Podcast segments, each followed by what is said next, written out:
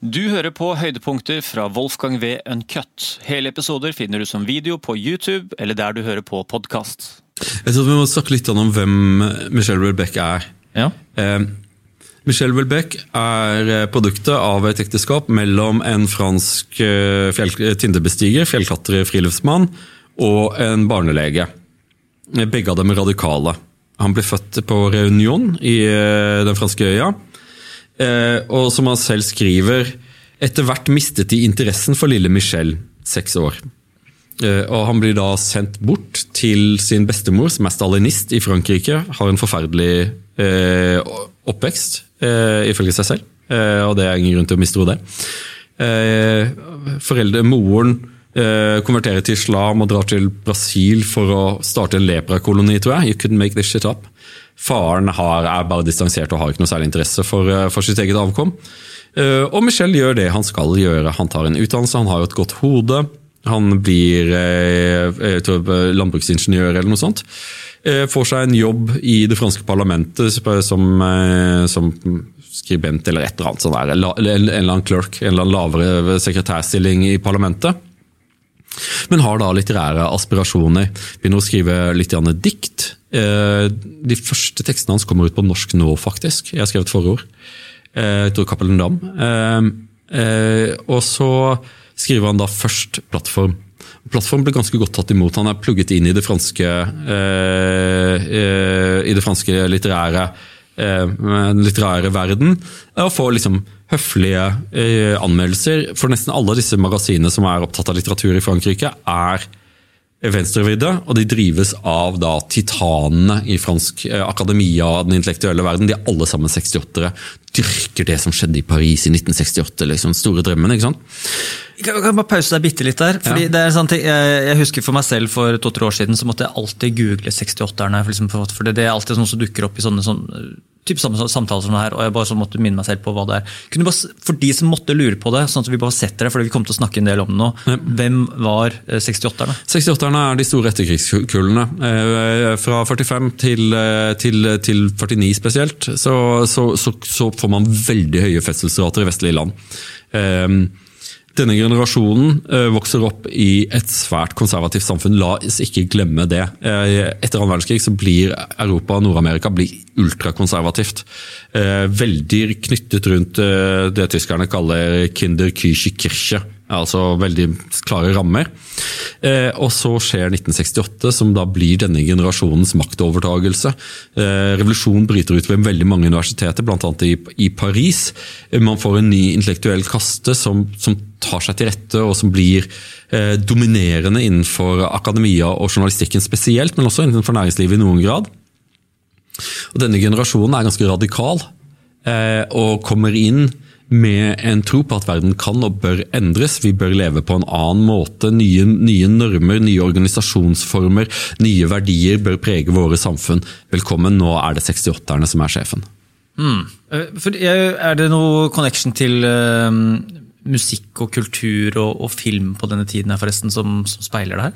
Ja, liksom så, Spesielt. ja, ja, liksom så bare se på uh, den fantastiske dokumentaren Woodstock. Ikke sant? Det er en feiring av 68-generasjonen. 68 og folk som i samtiden så jo at dette er, nå er verden i ferd med å. Så kan du lese i Time Magazine. Liksom, de så jo at dette her var ikke bare en gjeng med stein ungdom som hadde møttes på en på, på, en, eh, på, en, på en slette og knulle hverandres kjæreste mellom hasjpipene. Det var ikke bare det? Selv om de gjorde også det. Eh, det var en eh, det var et opprør mot sin egen samtid. Og, og la, la oss være ærlige, det opprøret var på mange måter påkrevd. Eh, la oss ikke være så opptatt av å holde, dom over, eh, over fortiden. Det skjedde.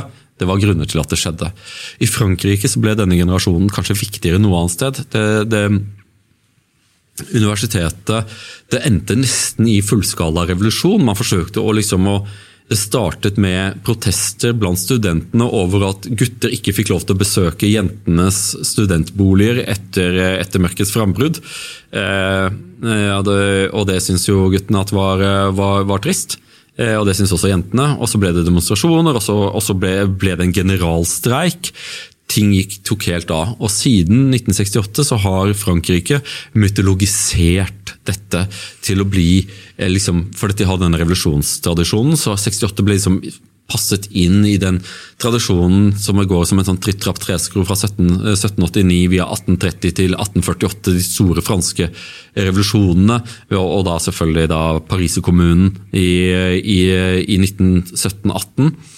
Eh, nei, hva er det jeg sier? Pariserkommunen i, i 1873. Ja. Eh, altså etter den fransk-tyske krig, da kommunistene og de røde tar over byen Paris. Eh, så ble, de, de, ble feiret som liksom revolusjonære helter. Okay. Eh, og så kommer Michel Wilbeck, og så sier han ja, men hva med oss, da? Han er et barn av 68-erne. Han betalte prisen for 68-ernes selvrealisering. En generasjon som ville frigjøre seg fra alt, inkludert sine egne forpliktelser. Sine forpliktelser overfor samfunnet, forpliktelser overfor sine egne barn, for sine foreldre. Alt dette var ikke relevant lenger, det var en ny tid, må vite. Mm. Eh, men selvfølgelig så var det mange ofre for dette.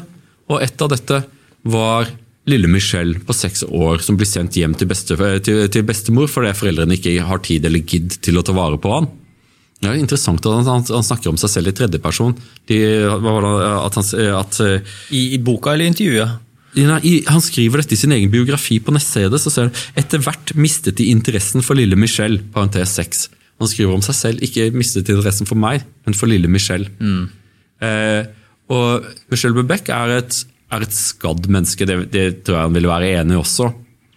Han er et menneske som, som sliter på, på, veldig mange måter. Sliter med å knytte seg til andre mennesker, sliter med å fungere i samfunn og finner veldig mye meningsløshet i det, i det nye Frankrike. Og Grunnen tror jeg til at bøkene hans traff så utrolig godt, var at hans erfaring stemte så utrolig mye bedre med hvordan mange i Frankrike lever sine liv. Mm. Så den der seiers, seiersfortellingen som han hadde fått av en gruppe mennesker som gjorde opprør mot systemet, og så ble den nye eliten hei, hei, hei hvor du går. ikke sant? Og nå sitter da alle 68-erne på alle samfunnets kommandohøyder, på absolutt alle kommandohøyder i Frankrike, så sitter da denne generasjonen som blir født i disse årene, fra, eh, i, på tampen av annen verdenskrig til før 1950-tallet. Eh, og syns at ting går riktig riktig bra. De, de, anser seg for å være sin egen opposisjon. De anser seg for å være undertrykte, på tross av at de har bukta begge endene.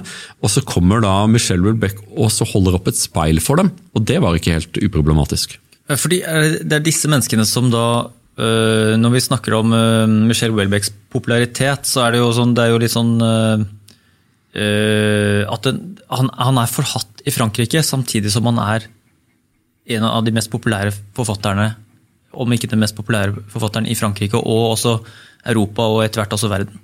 Ja, Han, han selger jo i bøtter og spann. Jeg har aldri opplevd noe lignende i, min, i mitt liv. at Da serotonin kom ut, så var jeg i Paris, og da sto folk i kø rundt kvartalet fordi boka kom i salg i dag. Folk sto i kø for å kjøpe en bok. Mm. Det skjer jo ikke, ikke sant?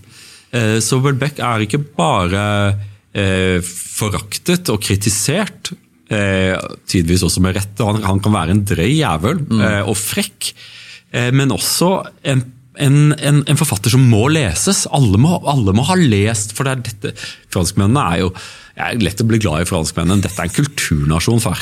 Eh, det er jo sånn at Når du blir invitert på middagsselskap, så diskuterer man seriøse ting, og det forventes at du har lest boken. ikke sant? Det der norske greia med at 'jeg leser ikke så mye bøker', det holder ikke i Paris. altså. Nei.